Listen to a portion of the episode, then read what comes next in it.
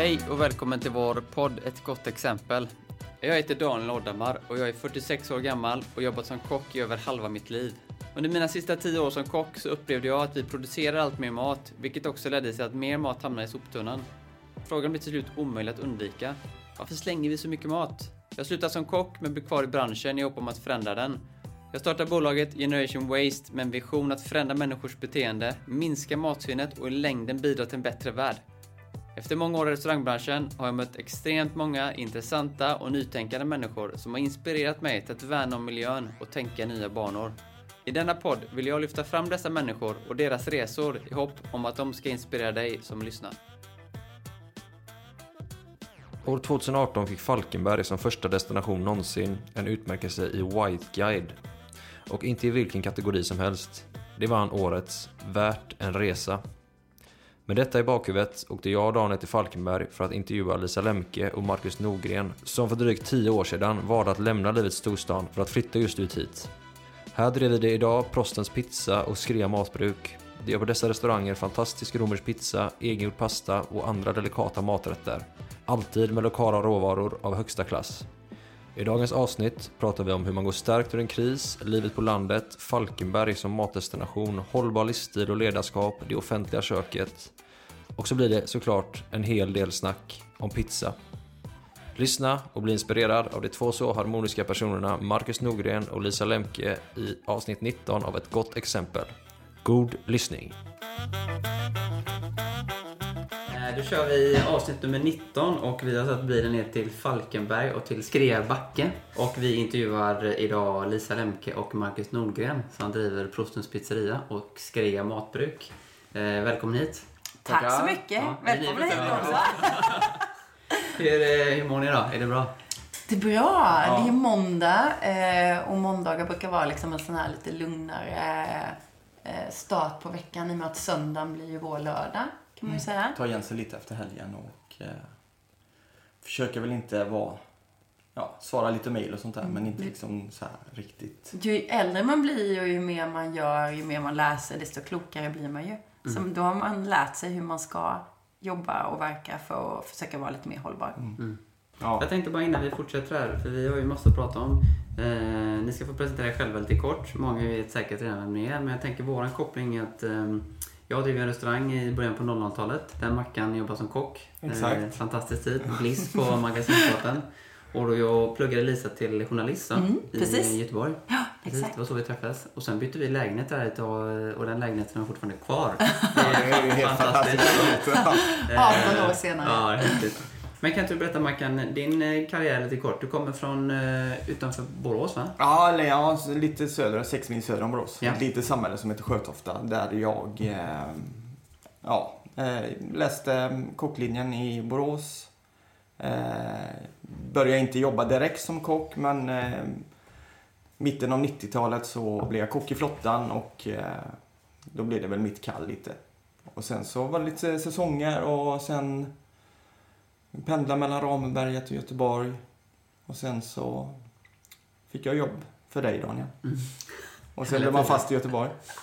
Och Nej, det så- blev du faktiskt inte. Ganska snabbt. Nej. Men sen så köpte jag krog i Falkenberg 2004.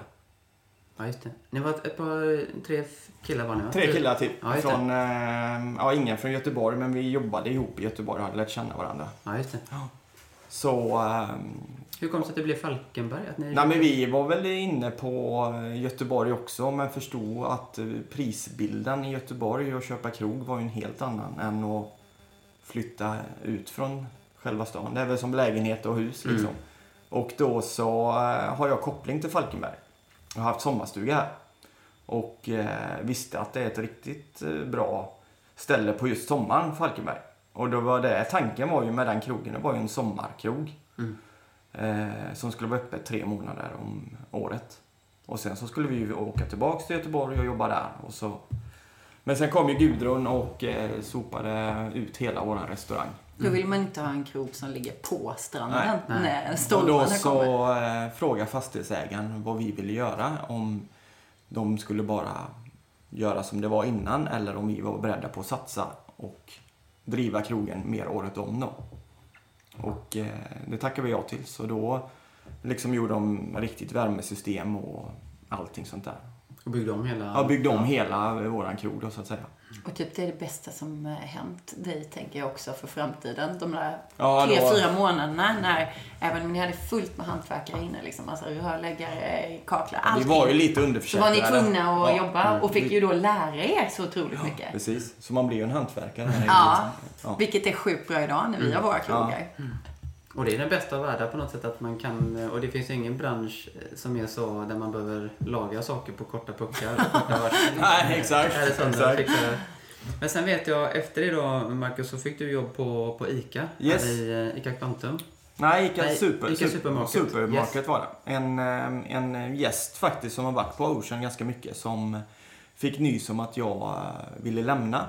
Eh, Och då så eh, kom han till mig och sa att han vill bygga om sitt ICA och han vill göra ett... Eh, han hade väl sett eh, att eh, det var alldeles för mycket svinn i sin butik.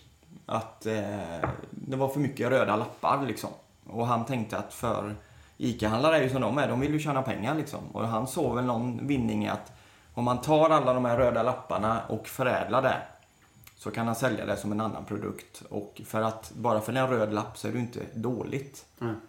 Utan, och då så frågade han mig om jag var intresserad.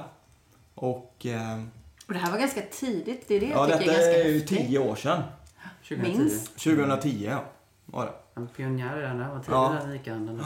Och då så gjorde han ju en jättesatsning på att bygga om köket. Jag var med och bestämde vilka grejer vi skulle ha. Det var steamkittlar och spisar och hur det skulle se ut.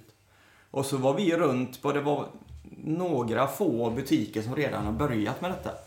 Så vi var runt eh, lite ner i Skåne och tittade. Eh, Ica Tuna. Mm, Katuna, jag var liksom Och precis. så något i Hjärnarp tror jag.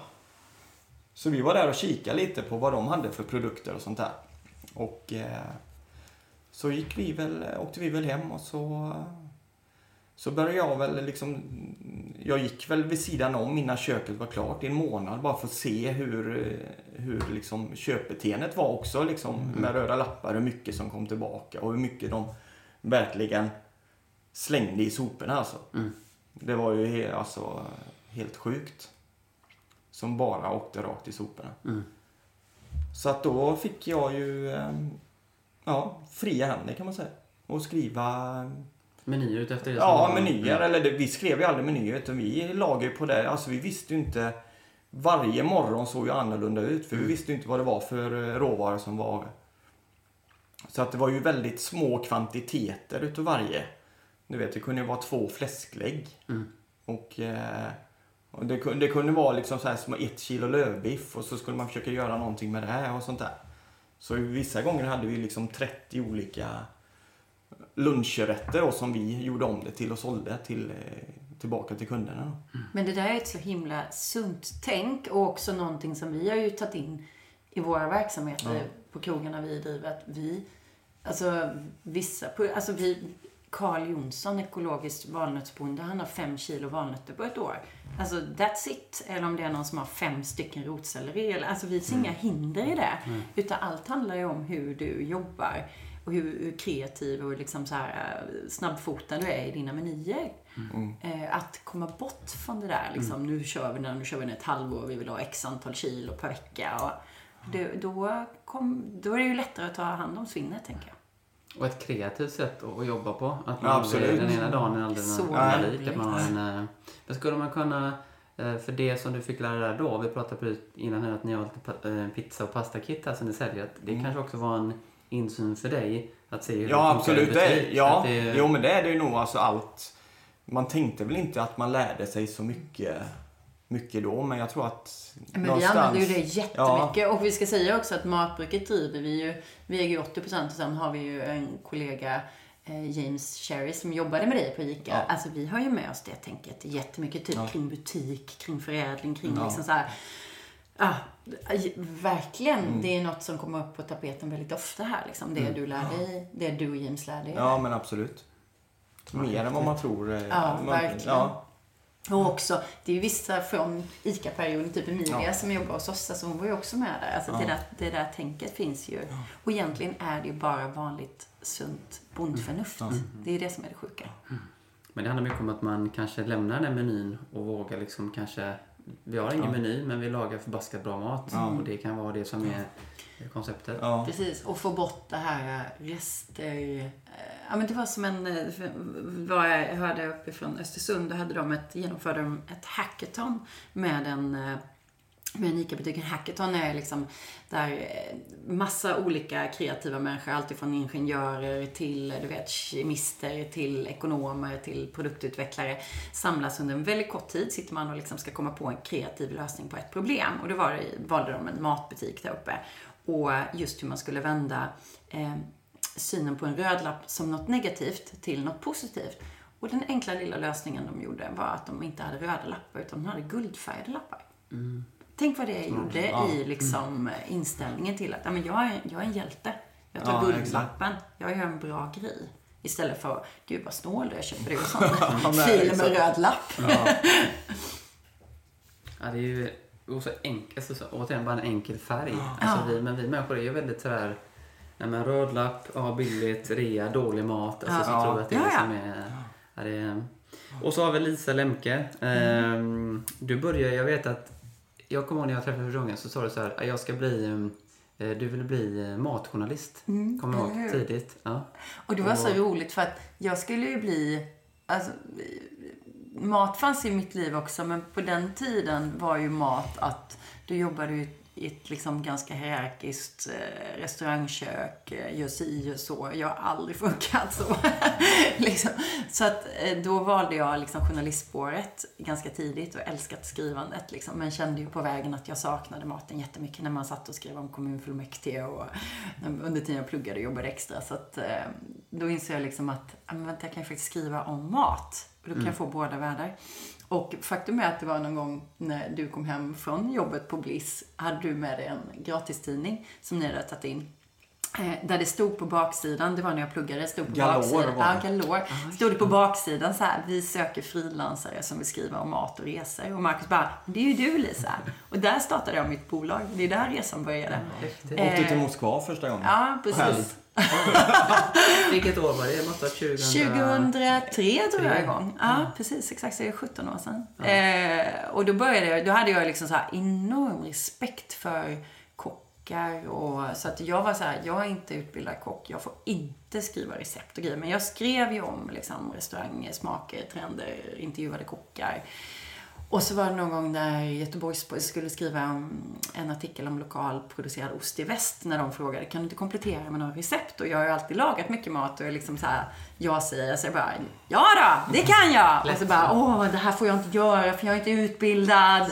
Och så inser jag liksom så här efterhand att, för de blir jättenöjda med de recepten och så inser jag bara, men du, Alltså de där recepten som jag får med från kockar liksom, det är ju inte en människa som kan göra dem. De är så komplicerade, det behövs mycket grejer och utrustning och grejer. Så jag inser ju att jag brinner ju Alltså jag, jag håller inte på med sous och grejer. Jag brinner ju för vardagsmaten. Jag brinner ju för att folk ska laga liksom, åtminstone en måltid mer i veckan i sitt kök. Eh, och att det är fem vardagsdagar och två helgdagar och att få till liksom, kunskapsaspekten i det. För att jag tror att för att vi ska kunna jobba, till exempel om vi kommer tillbaka till svinnet och det här. Ska du kunna jobba och ta hand om dina rester, du har två falukorvsskivor kvar, vad gör du av det? Då måste du ha en kunskap i ryggraden för att veta så här, ja men jag kan göra det här med det.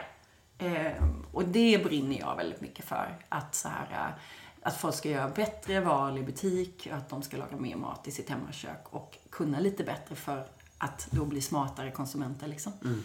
Så det är ju mitt kall i livet. Sen så har det, blev det ju liksom, började skapa recept, det blev kokböcker, eh, TV, jag jobbar som matstylist. eh, Men idag, jag sa det, jag blev intervjuad i någon podd att Alltså, jag är, väl, jag är liksom extremt mycket mat och så driver vi två restauranger men man har också kommit att bli väldigt mycket företagare och entreprenör. Eh, så att den biten har ju tagit en stor bit, ett stort steg in i, i om man tittar på vad jag gör med min arbetstid också. Vilket är en fantastisk resa. Men Mm. nu sitter vi här i ert fina kök och det här med att ni då kan bägge två. Nu har vi ju eh, pizzerian bara ett eh, knappt stenkast härifrån. Fem steg. Fem steg, ja. Fem långa steg över gräsmattan. Men att också ta det här steget. För vilket år då startade ni pizzerian? 2013. 2013. 2013. Ja. Men idén föddes redan 2011 på hösten. Ja, när vi såg, eh, vi, hade, vi drömde om att få flytta ut. Vi, vi hade en dröm om att, fasen undrar det att bo på landet. Ingen av oss är uppvuxen, vi är uppvuxna i små samhällen och liksom på ena sidan var min närmsta granne en lantbrukare. Men ingen av oss hade ju testat att verkligen bo på landet. Men vi kände ju ett sug i magen. Bara, undrar hur det är. Undrar om det är vad som är vår dröm. Och det Eh. sa vi alltid, ingenting är ju för alltid. Nej, och det är ju en vi mentalitet vi här, har i allting. Att liksom, vad är det värsta som kan hända? Eh, vi testar. Ja. Alltså vad är det värsta? Det, det har vi ju i allt Ja. vi gör idag. Liksom. Vad, vi, vad är det värsta som kan hända? Eh, vi testar liksom. Men, eh, så då ville vi, och Skrabacke som vi är på nu var ju vår drömbacke. Vi hade två jättenära vänner som bodde här uppe i det gamla församlingshemmet, lustigt nog. Och vi satt ofta på deras veranda bara shit vilket ställe liksom. För det ligger på en kulle och så blickar man ut över ett liksom lapptäcke av åkermark och det började produceras massa livsmedel. Och sen var det väldigt mycket ängar här omkring ekologiska. Vår granne är en ekologisk lantbrukare. Och det gjorde ju liksom att jag kommer ihåg första sommaren, vi, precis, vi fick barn precis när vi flyttade in här. Då gick jag och drog vagn och bara, ah, så mycket insekter överallt. Och bara, vad beror det på liksom? Och sen så bara, ja men visst är det ekologiska åkrar. Det är mycket insekter, det är mycket fjärilar, det är mycket fåglar. Vi har näktergal i trädgården på sommarnätterna liksom. Så det var en så här, vi drömde om den här platsen. Och efter ett och ett halvt års letande på andra ställen liksom, efter den här gården, så där jag skulle kunna ha min studio och vi skulle kunna bo och testa det här så kom det här ut till salu och då var det bilder på det här uthuset som bara var jordstampat golv i. Men det här var en gammal liksom prästgård. Så i uthuset fanns det en bakugn, där, stenugn, där församlingsborna skulle baka bröd. Och då tittade vi på varandra. För då hade vi pratat om att vi var sugna på ett projekt tillsammans. Vi hade inte riktigt landat i vad det var. Men då tittade vi på varandra ganska direkt och bara, där ska vi baka pizza. Det bara, det bara, det bara Hur gör landade. man för att se liksom, bortom problemen? Jag hade ju sett massa problem direkt. Hur gör man för att liksom, se bortom det med renovering och sånt? Så Jag tror att mycket har vi att tacka stormen Gudrun för. Mm. Faktiskt, på riktigt. Det förändrade... Ja, ja, det är mycket, man ser mycket som man kan göra själv liksom. Ja, är- kriser är ganska nyttiga. Det, vi har haft ganska mycket kriser i livet liksom, med, familj och dödsfall och bolag och liksom sånt. Och det, det kommer alltid väldigt mycket bra grejer ur det. Man lär sig liksom se möjligheter och... Och sen ska jag faktiskt säga cred till dig Daniel. Det är ofta du pratar om din blisttid i eh, hur ni jobbade liksom. Ja. Att ha det här, det jag tycker det är härligt att ha, kommer folk hit så kan de tycka liksom bara, åh vad relaxat, vad här, vad liksom soft och liksom så här, och vårt livs, vår, hur vi lever vårt liv och det är ju mycket det. Vi, det, ju, det här är ju inte en arbetsplats, det är en livsplats liksom för oss där det är viktigt att alla, inklusive våra två barn, har fullständig liksom så här harmoni i att detta sker och avstämningar och alla som jobbar med oss ska också må bra i det liksom. Men bara för att man har liksom den här inställningen så måste det fortfarande vara ett seriöst bolag för annars blir det inte hållbar heller. Och där kommer du ju ofta tillbaka Ja. till hur ni jobbade och målsättningar och avstämningar Ja. och budgetar och grejer. Men det alltså det vi skapade tror jag också, det var en känsla att, att, att teamet var, gruppen var viktig liksom. Alla var lika viktiga. Och trots Ja, det ja här, absolut. Det är mycket, det tänker jag mycket på tillbaka till liksom. Mm. Och sen Så- också att det var, det var mycket som var spontant men det spontana var också väldigt mycket organiserat eh, på något sätt. Eh, ja, men vad kul att ni, eh, för apropå det här med müsli, jag jobbar ju ihjäl mig på det stället och fick liksom hoppa av. Men det var också så att det har jag ju lärt mig att okej, jag har startat två nya bolag och de har med sig det. Så som du sa med kriser, det är så här, Gudrun har nästan många glömt av nu. Men det är ett sätt att eh, då var ju Gudrun katastrof för många och har säkert betytt fortfarande jättemycket att den här krisen den kom. Men det är det som blir eh, som vi går stärkta ur på Exakt. något sätt. Och, vi, och jag tänker, eh, det här tråkiga vi är nu. Gud så mycket bra det kommer komma ur det. Alltså, det kommer komma så mycket bra ur det. Inte minst för oss som är verksamma på landsbygden. Jag tror att det är liksom super för lokala producenter av livsmedel, för företagare på landsbygd. Jag tror det, är, ja, det Ja, kommer vi komma bra. Och också bara, fasen alla behövde bara dra lite i bromsen. så att jag tror, men, men absolut så har ju du, och jag tror att vi kompletterar varandra väldigt bra på den fronten också med att, att eh, se möjligheter i saker och ting och att liksom eh, hitta att, att vara företagare, att vara människa, är ju att vara problemlösare. Har man det i ryggraden, då blir det bra. Du måste vara en problemlösare, om det så är med dina två falukorvsskivor eller vad du Ja, gör det med alltså- yta med När jordstaplat den här pandemin kom, alltså man kunde väl gjort så många, legat sig, lagt sig på rygg och bara, nej funkar inte. Eller så kan man ju ta tag i problemet och se hur man kan Alltså jag har nog aldrig slitit så mycket för inga pengar. Bara för att få in pengar till att kunna betala löner och allting sånt där. Jag tror också det finns en annan aspekt av det här som är superintressant att diskutera vad det gäller restaurangbranschen. Där det, jag tycker många gånger det har varit en mentalitet, tryck in mer, tryck in mer, tryck in mer, tryck in mer. Och det såg ju vi liksom, här där borta på matbruket där ju, kan vi vara större och vi kan bre ut oss. Vi bor inte där. Här har vi ju liksom en, en regel att det ska vara roligt när vi går in på Prustens. Och det får inte, det måste vara hållbart för oss. Vi bor här, våra barn bor här. Det måste, så vi försöker hålla nere det lite. Ehm, men det här intressanta i typ en av första sommaren var ju katastrof. Det var liksom ångest. Du, du Ja, stod i kök. Det var så mycket folk. Vi hade aldrig fattat det. Kommer det så Och- mycket folk? Alltså första... Ja, vi har haft Ja. jättemycket att göra från dag ett, Jo. vilket är fantastiskt. Det Och stod ju fortsatt. 50 pers i kö här, Ja, en timme innan vi öppnade. Ja, det skulle ha, eh, Ja. Då hade vi fullbokat inne. Ja. Då hade vi ju 36 platser ute som man fick komma. De stod ju... Men det vi gjorde året efter då eh, är att... Ja, det var ingen vi- bra upplevelse. Nej, det var ingen bra upplevelse. Inte det var för ingen hållbar jobbar upplevelse. liksom. Men då gjorde vi så här att då tog vi bort ett stort bord, 12 platser. Och det resulterade i att vi sålde mer Ökade. på färre platser. Och det tycker jag är någonting man ser nu också. Vi har ju färre platser nu, men vi har möjlighet att ge restauranggästerna bättre service. Vi har möjlighet att kanske tala mer med dem, vilket gör att de köper mer. Så snittnotan har ju gått upp. Och folk jag får, det var I somras hade vi ju galet mycket att göra på båda ställena. Det blev ju så när alla skulle semestra i Sverige. Men det finaste jag fick eh, meddelande om så här från eh, folk liksom som hade varit där var Wow, alltså jag har aldrig sett mig så sedd. Det var fint. Det Att få folk att känna sig sedda fastän det varit mycket att göra. Men nu då liksom, när man har mindre gäster att ta hand om, då kan de få känna sig mer sedda. Och restaurangupplevelser kan bli något annat än att bara gå ut och käka och äta och dricka något gott. Utan vi har ju ofta skojat om att vi vill ha eh, dinner and a show på en och samma gång här ute. Eh, där vi berättar om våra producenter och liksom man får en merupplevelse. Och det kan du ju vara beredd att betala mer för. Och jag tror för restaurangbranschens överlevnad in i framtiden så måste vi verka på ett annat sätt. Liksom anledningen till att det har gått så dåligt nu för så många är att vi inte har buffertar. Det finns ingen ekonomi i hur man har drivit krog. Så det där är intressant. Det, tänk, eh, det har vi ju tänkt mycket kring hållbarhet, hur framtidens krog, hur vi skulle göra i framtiden. Även innan detta hände. Ja. Och landat i att färre platser, eh, inte så mycket personal, Eh, kunna vara lite mer flexibel. Eller hur?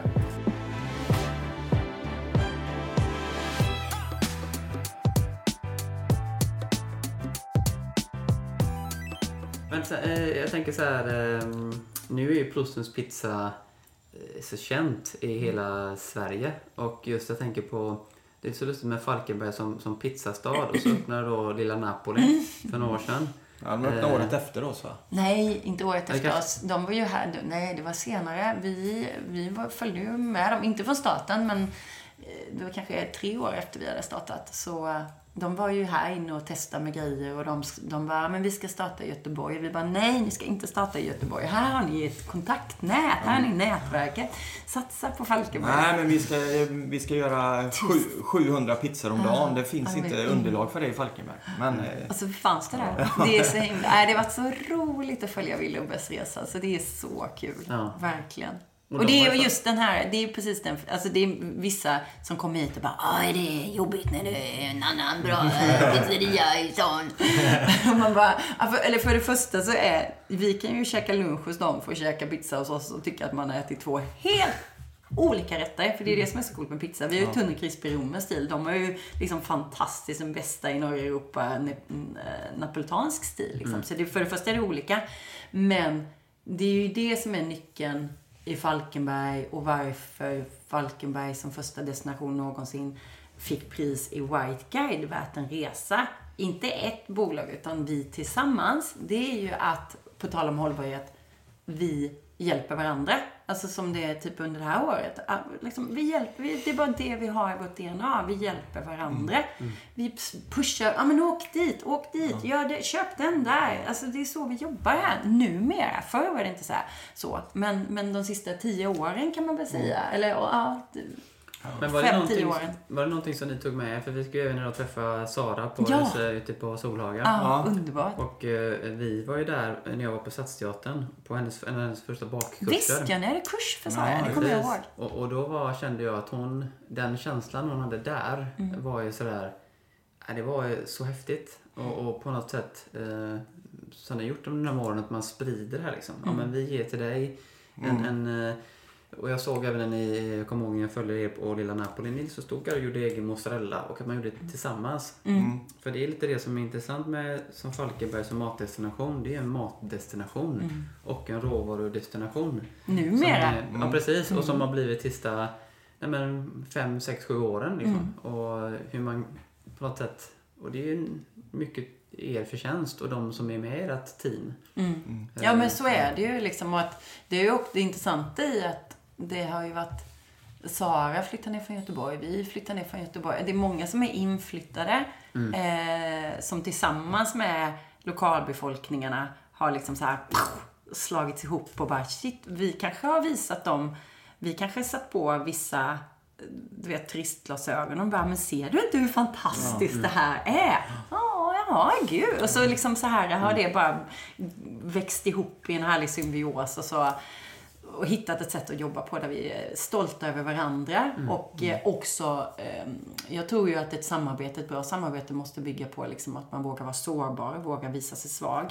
Och att alla är medvetna om att alla kommer vinna tillsammans i slutändan. Ingen kan vinna samtidigt. Det är liksom, alla kan inte vinna samtidigt och tjäna på samarbete samtidigt. Men när man har in, kunskapen, insikten och tron att det här kommer gynna alla oss i olika skeenden. Då blir ju det ett fantastiskt samarbete. Jag ska också säga att det finns ju många kockar som är duktiga på om man har gästspel och man samarbetar och så här. Men jag upplever att det kommer ju så många...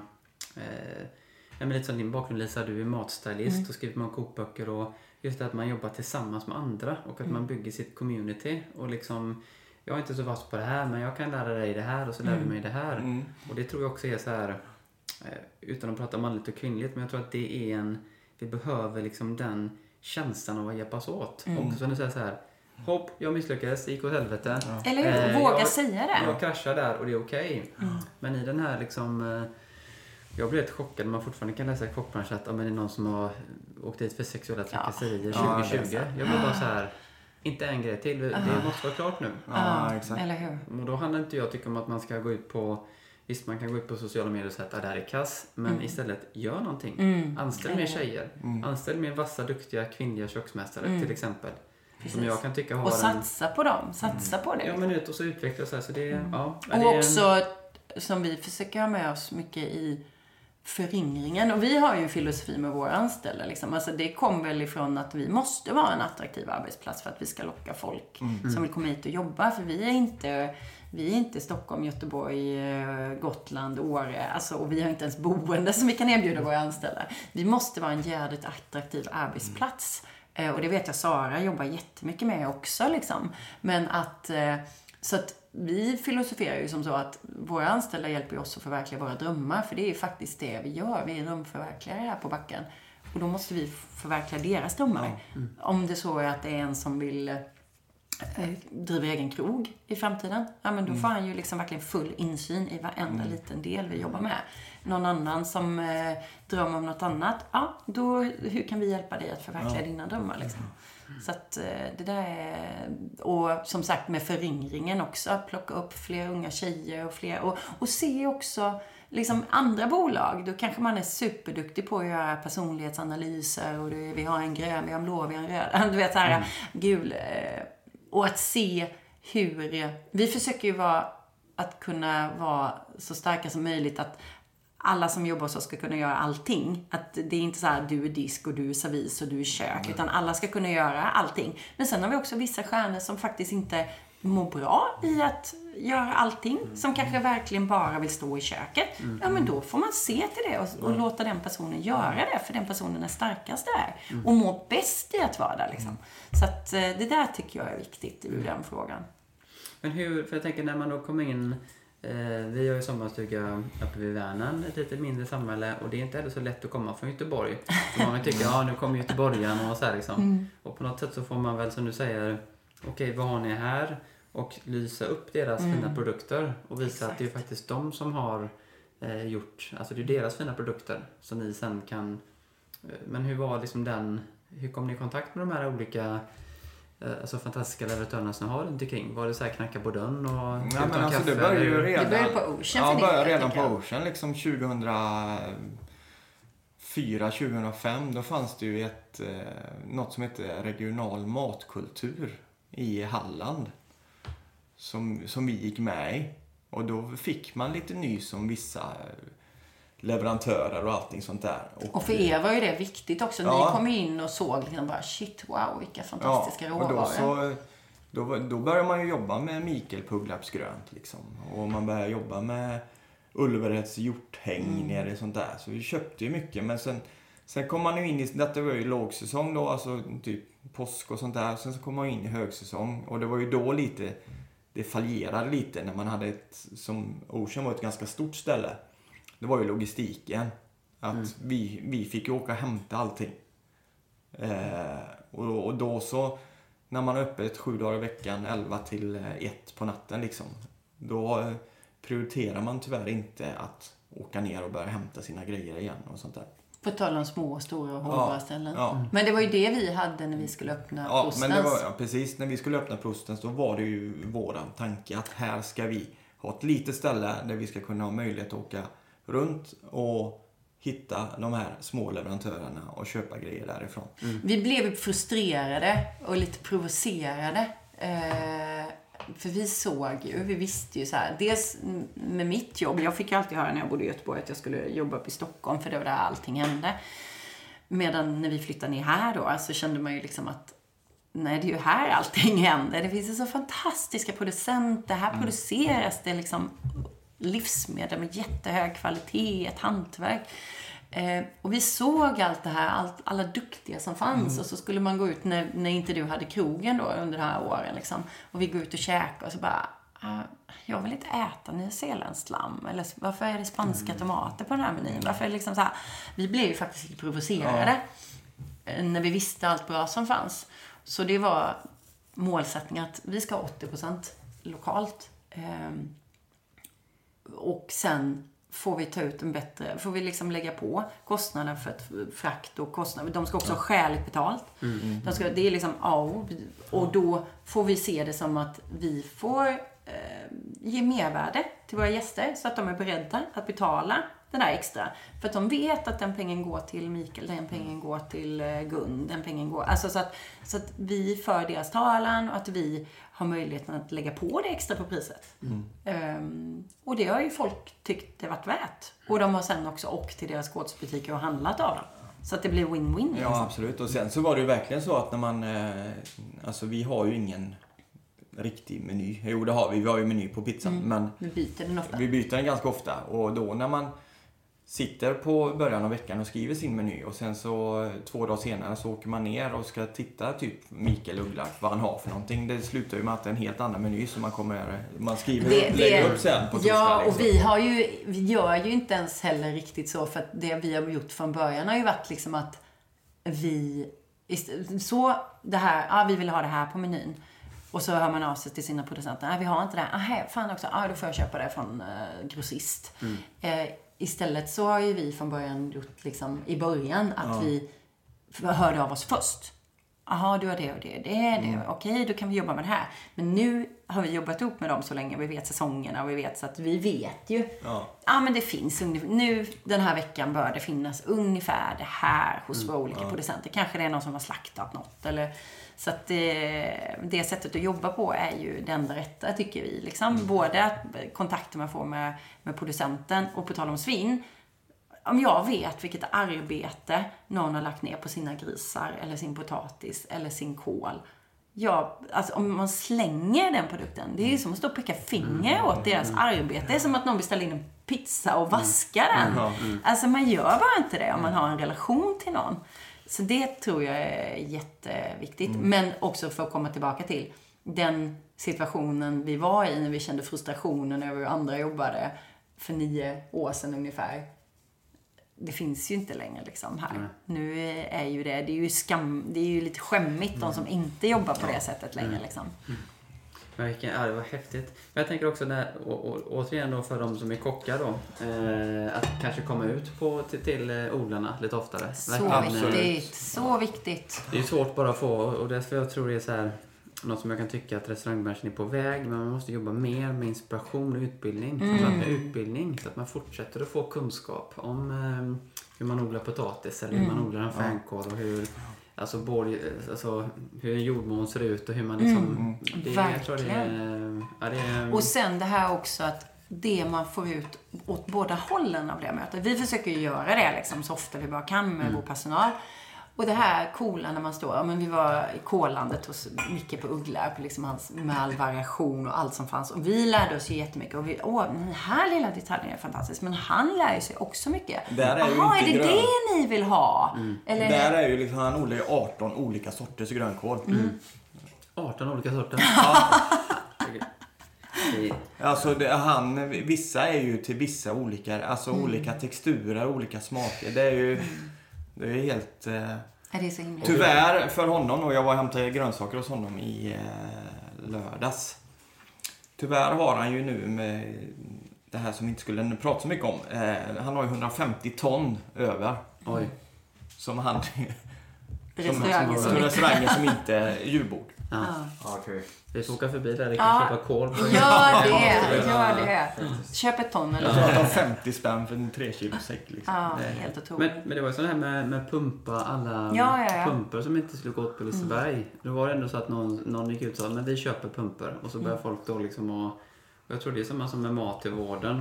Alltså det vi kan göra om fler kopplar på. Och Eller så är man med och ror lite grann. Ja. Än att man kollar på någon annan liksom ska... Men det är det som är så viktigt. Alltså, vi måste ju få upp mängd. För att vi ska kunna få ännu mer producenter duktiga liksom, så måste vi få upp mängden på det de levererar. Och då funkar det inte att vi som har krog som är öppet torsdag till lördag köper av dem bara. Utan det måste ju liksom, den offentliga köket måste ju in och handla lokalt också. Vi måste förenkla upphandlingar så att de kan känna att det är mödan värt att fylla i de där papperna liksom. Och, och bara lära sig hur man fyller i papper för att vara med i en upphandling. Eh, det är den biten vi måste göra. Herregud, den som någon gång tillbringat en natt på ett sjukhus vet ju att den maten som serveras där generellt inte gör folk friskare. Nej. Eh, så att det där tycker jag är en intressant fråga ur liksom hållbarhetsperspektivet liksom, på så många olika sätt. Det är många kockar nu som, som jobbar så här, offentliga måltider. Nu jobbar vi mot en del kommuner och de börjar ju... Det händer väldigt mycket i kommunerna, i de här köken. För många kockar som vill jobba dagtid börjar jobba offentligt. Och jag känner att det är... Men det man ser på Instagram och det man följer, det är liksom... eh, Men det gäller också att få eleverna att inte gå ut och köpa en burgare Nej, eller gå och eller- fika och Ja. köpa eller vad det nu kan vara. Ja, att man exakt. köper en... eh, Men det är ju därför barnen är så viktiga att vi börjar med det tidigare. Vi måste ha mer hemkunskap. Det är ju liksom mer... Om, och just det tillbaka med mitt att jag vill att fler folk ska laga mat i sina hem. Alltså, vad händer om du växer upp i ett hem där det inte lagas mat? Du lär dig ingenting. Varför är vi så mycket sämre än vår farmor, morfar, morfar. Det är för att vi har också liksom successivt vuxit upp där det lagas mindre mat. Eller eh, jag tror en anledning till varför jag jobbar med mat, varför min brorsa blev kock, varför min mamma var dagmamma, varför andra barn som växte upp hos oss blev kockar. Det var att vi har vuxit upp i ett hem där det lagas mat från grunden. Och det doftar och man får hjälp att hantera en kniv. Jag hade inspirationsdag med ett gäng hemkunskapslärare från Göteborg. Och de sa att lägsta nivån liksom, på de som kommer in, och det var en bra skola. Lägsta nivån på de som kommer in är så mycket lägre. Alltså de kan gå i sexan och aldrig ha hållit en kniv. De vet inte. De tror att man kan torka av den med knivspetsen mot handen. liksom. Alltså, det de har aldrig satt kniven i någonting. Eh, så att det Åh, vad viktigt det är att vi får barnen med i köket från tidigare nivå och lär dem. På tal om att slänga, på tal om att liksom allt det här. Eh, vi, det är ju varför vi har massa djur och varför vi liksom, vi är ju kanske lite jobbiga mot våra barn ibland. Men, ja, men typ som häromdagen så, så var vi på ett naturreservat som ligger här nere och där har grannen en del av sina får och lamm på, på sommaren. Vilket gör att det blir fantastiska, de är vid havet, de betar ju liksom, de är fantastiskt kött. Men så var det ett, eh, en bagge, ett baggelamm som eh, Lilly blev så förälskad i liksom. Han var så kärlig, han var så gullig och förra året skulle vi köpa loss ett baggelamm som också var som en stor hund här. Men tyvärr dog han sen. Men eh, det var hon, det hon insåg då, när hon insåg att det var en bagge. Jag bara, mm, du vet ju vad som händer med baggelammen Lilly. De slaktas. Så att eh, du får liksom ge han jättemycket kärlek nu. För, du, men, Och det kan väl låta brutalt att vi pratar om sådana saker. Men det gör ju, hoppas jag, att våra barn får en respekt för råvaran. Att de fattar varför. Och vi har ju lantbrukare och producenter runt omkring oss. Och äter de inte upp sin yoghurt så säger jag ju att Daniel gråter. Eller du vet, Monica gråter om du inte äter upp. Alltså, så att det där är så himla viktigt att få med liksom. Och få barn att förstå det. Det är ju liksom de djuren som vi äter. De Ja, har ju vet, faktiskt ja. någon... eh, Och det, är- ja, det är spännande.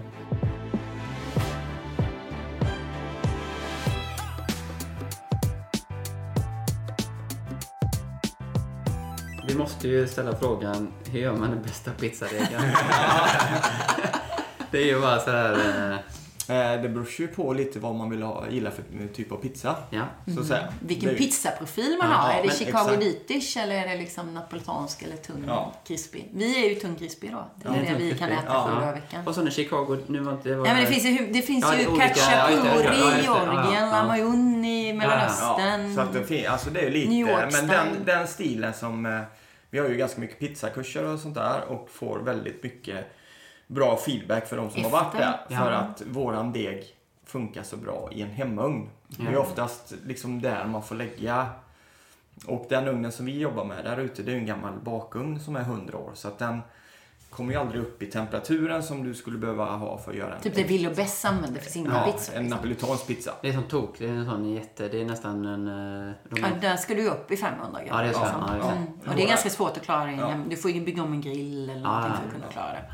Så att den, som, men den funkar jättebra i en hemugn, Mm. våran pizzadeg. Och det är ju liksom en, en ut... Eh, alltså, under den tiden när vi startade pizzorna så började, jobbade jag även som bagare nere på Solhaga, dit vi ska ja, sen. ja. Eh, och eh, då så när vi skulle börja med pizzan då, så tog jag med mig en massa degar, deg eh, tester hem då för att se vilken deg som var bäst lämpad. För vår stenugn Ja, liksom. och för det resultatet som Vi vi ville ha. ha. Vi, var, Vi hade en väldigt klar bild i huvudet vad det var vi hur, ville ha. hur pizzan skulle se ut och hur den skulle smaka. Och då var det en, en fransk baguettedeg Mm. Som, vi eh, utarbetade. Eh, för att vi ville ha den krispiga kanter. Alltså vi vill ha att det ska... Med bubblor Ja. och krispigt. Och det, folk är så här, men varför kör ni inte surdeg? Och varför kör ni inte så här? För det är inte surdeg i vår. Nej, utan det är en Men för då blir, den, och då blir den ju segare. Ja. Och vi vill inte ha det. Nej. Just för vårt resultat. Det är inte det att vi inte tycker det andra är gott. Men för vårt resultat så vill vi ha det Och här. skulle man ändra recept nu på deg eller på tomatsås då blir det en helt annan produkt Ja. i slutändan. Liksom. Så att, eh, Men gör du degen dagen innan eller samma dag? Eh, både och. Ja. Beror på hur lat jag är. Ja. Sommaren gör jag eh, dagen innan Ja. och bulkjäser i kylen då. Och eh, eh, det blir samma resultat. Jag känner ingen skillnad. Nej. Men den är, den är ju alltid jäst minst eh, åtta timmar. Ja. Men den kan även jäsas i Två 48 dagar. timmar. Då hinner man springa ner båda mellan varven. Och Ja, men lite så. Ja.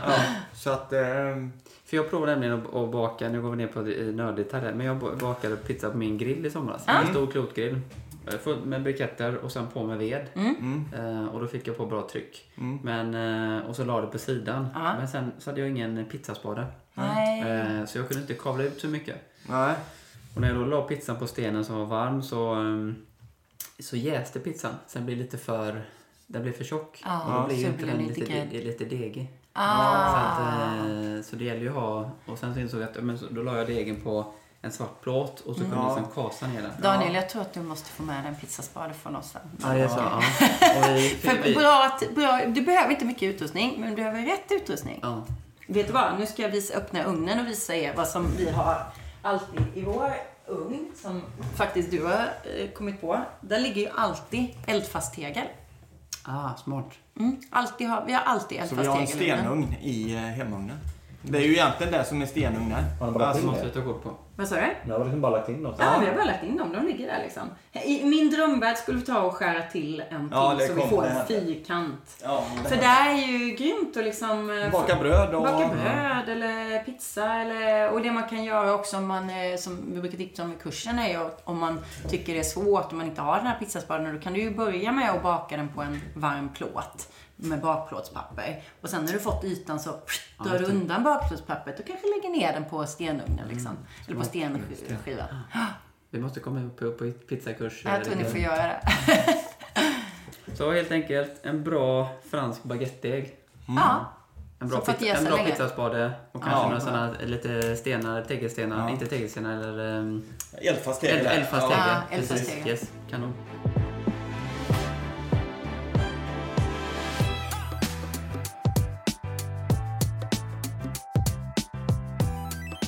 Är ert bästa hållbarhetstips?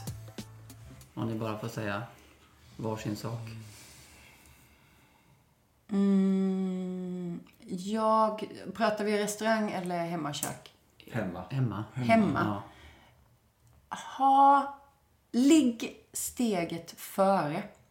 Ehm, kanske laga alltid mat för två middagar. Eh, så att du har, du, du frigör lite tid och den tiden kan du använda till att ha kunskapen att lättare ta tillvara på saker och ting. Liksom. Men nu fick jag, har jag två portioner över av den här eh, soppan. Jag dunkar i det här, det här, det här, det här. Så har jag helt plötsligt en gryta för fyra portioner. För då har du redan halva arbetet gjort. Och då får du plötsligt tiden. För att vardagen och sådär liksom, "Åh, jag måste leverera, måste fram med maten. Så att har du en plan redan. Du har halva, och sen behöver du inte, alltså du behöver inte göra, igår gjorde jag en stor sats med fisksoppa. Vi kommer inte äta fisksoppa idag. Men vi kanske äter det imorgon. Man behöver inte äta rest, det behöver inte bli samma rätt Nej, två nej. hela tiden. Man planerar in Ja, resten. Ja, men du har frigjort lite tid till att kunna ha tid att ta tillvara på de här grejerna. Jag tror folk är lite för fega hemma. Mm. Att de inte vågar eh, liksom eh, hacka ner det här lilla som blir över. Utan Mm. det ska... Det ska serveras i den formen det lagas Ja, som från mm. första början. Ja, men precis. Jag Tänka lite utanför boxen liksom. Kanske inte vara helt slavisk på sitt, på sitt recept. Utan tänka, men jag har ju den här lilla biten med purjolök över. Vad, vad spelar det för roll om den åker med i grytan också liksom? Mm. Även om det inte stod där Ja. i receptet. Nej, men lite... Och då tror jag också igen att vi kommer tillbaka till det här med kunskap. Att Ja, liksom så här, mm. Ja, men du behöver inte lära dig allt. Lär dig tio smarta recept som är lätta att variera. Och så lär du dig dem. Liksom så, här, så att du kan la- laga dem med förbundna ögon när du har tio minuter på dig att leverera mat. För då kan du det, då kan du lättare förstå vad händer om jag tillför ett äpple i det här. Eller vad händer om jag tillför lite sånt. Då förstår du vad som händer. För du kan rätten. Jag brukar säga också när man, man gör såna här eh, kylskåpsrens och man gör restprodukter hemma, eller resträtter, att det, det kan inte gå med något helvete. Ja. Alltså vad är det värsta som händer? Ja, men vi fick eh, inte slänga men då fick man väl, ja det smakar så, okej. Ja. Men alltså man inte vågar liksom att testa. Eller hur? Alltså, Det ska väldigt mycket till för att någonting ska bli oätligt. Ja. Det är återkommande tema i det här avsnittet att våga misslyckas. Ja, ja, exakt. Men sen också att det och det vet jag Sara har gjort ett enormt arbete. Jag tycker vi är lite sned, vi är, vi är inte riktigt, vi är lite förstörda i huvudet. Typ bröd, säger vi. Som ni kommer att prata om med Sara. Men så här, att vi måste tänka utanför boxen. Det är ju, jag, när jag gjorde Timjan på tårta så, hade, så fightades jag för ett inslag som vi aldrig fick till. Men det var att när blir mat skadligt för dig?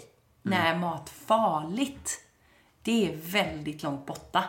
Eh, bröd, du har bara köpt ett färskbakat bröd, det är ju jättegott dag ett. Men det är ju fortfarande en bra råvara dag sju. Om det var ett bra bröd så att det inte blir liksom, du vet, mögligt och så här. Dag sju är det en bra råvara. Men det är inte att skiva en skiva och dra lite smör på och käka. Utan det är en annan produkt, men det är fortfarande en bra råvara. Så att det här att våga se saker, hur det förändras. Det tror jag är viktigt. Jag hade på landet så hade vi baguette och soppa. Och så var det tre, fyra skivor som låg framme. Vi glömde mm. ta hand om dem. Och så hade jag lite räkor och så skar de i typ grova bitar. Typ så här, panzanella-bitar. Stekte på dem lite vitlök, olja och smör. Grova krutonger, på med lite räkor, jag hade lite tomat, eh, lite sallad. Och så har de en schysst räksallad som Sjukt. Ja, sås. ja, ja. Lite och... Ja, det äter vi mycket, panzanella. Ja, det är gött alltså. Och även ha gammalt bröd i nytt bröd. Du vet Ja, att Sara har provat ah, att ja, man har- absolut. testar och blötlägger och lägger i. Ja, exakt. Ja. Absolut. Det är jätteroligt. Men hörni, eh, fantastiskt att vi kom hit. Då har vi en sista avslutande fråga helt enkelt. Vem tycker ni att vi ska intervjua i vår podcast härnäst? Nu vet jag att vi har ju Sara på... Ja, precis. För Sara ur ett hållbarhetsperspektiv är ju jättebra. Jag hade tyckt det var jätteintressant. Det, jag vet inte vem den personen är, men eh, det ger er arbete. Men jag, alltså nu jobbar vi med ett litet ställe, två små ställen, Sara ett ganska litet bageri. Jag skulle vilja lyssna på någon som jobbar, du vet, och kör 2000 lunch. Som är jädrigt duktig på hållbarhet och lokala produkter. Och jag vet inte vem den personen är, men det hade jag tyckt vore intressant. Att Ja, någon som storkök. jobbar... Ja, men liksom, ja, ja, ja, men du vet, liksom någon det som... Och som kan få med hållbarhetsaspekten även i det stora. Alltså om det är, du vet, sjukhus, Volvo, vad det nu än må vara. Det tycker jag är, eh, vore häftigt att lyssna på. Hur de jobbar. Den eh, tar vi oss Rickard. Mm. Verkligen. Hörni, stort tack för att vi fick komma ner och att vi fick till intervjun. Kanon. Stort tack. Toppen. Tack. Ha det Tack, gött. tack. Stort tack för att ni har lyssnat på dagens avsnitt. In och följ oss på sociala medier där vi heter ett gott exempel och tryck på prenumerera-knappen i appen du lyssnar i. Vi ses nästa vecka. Ha det gött!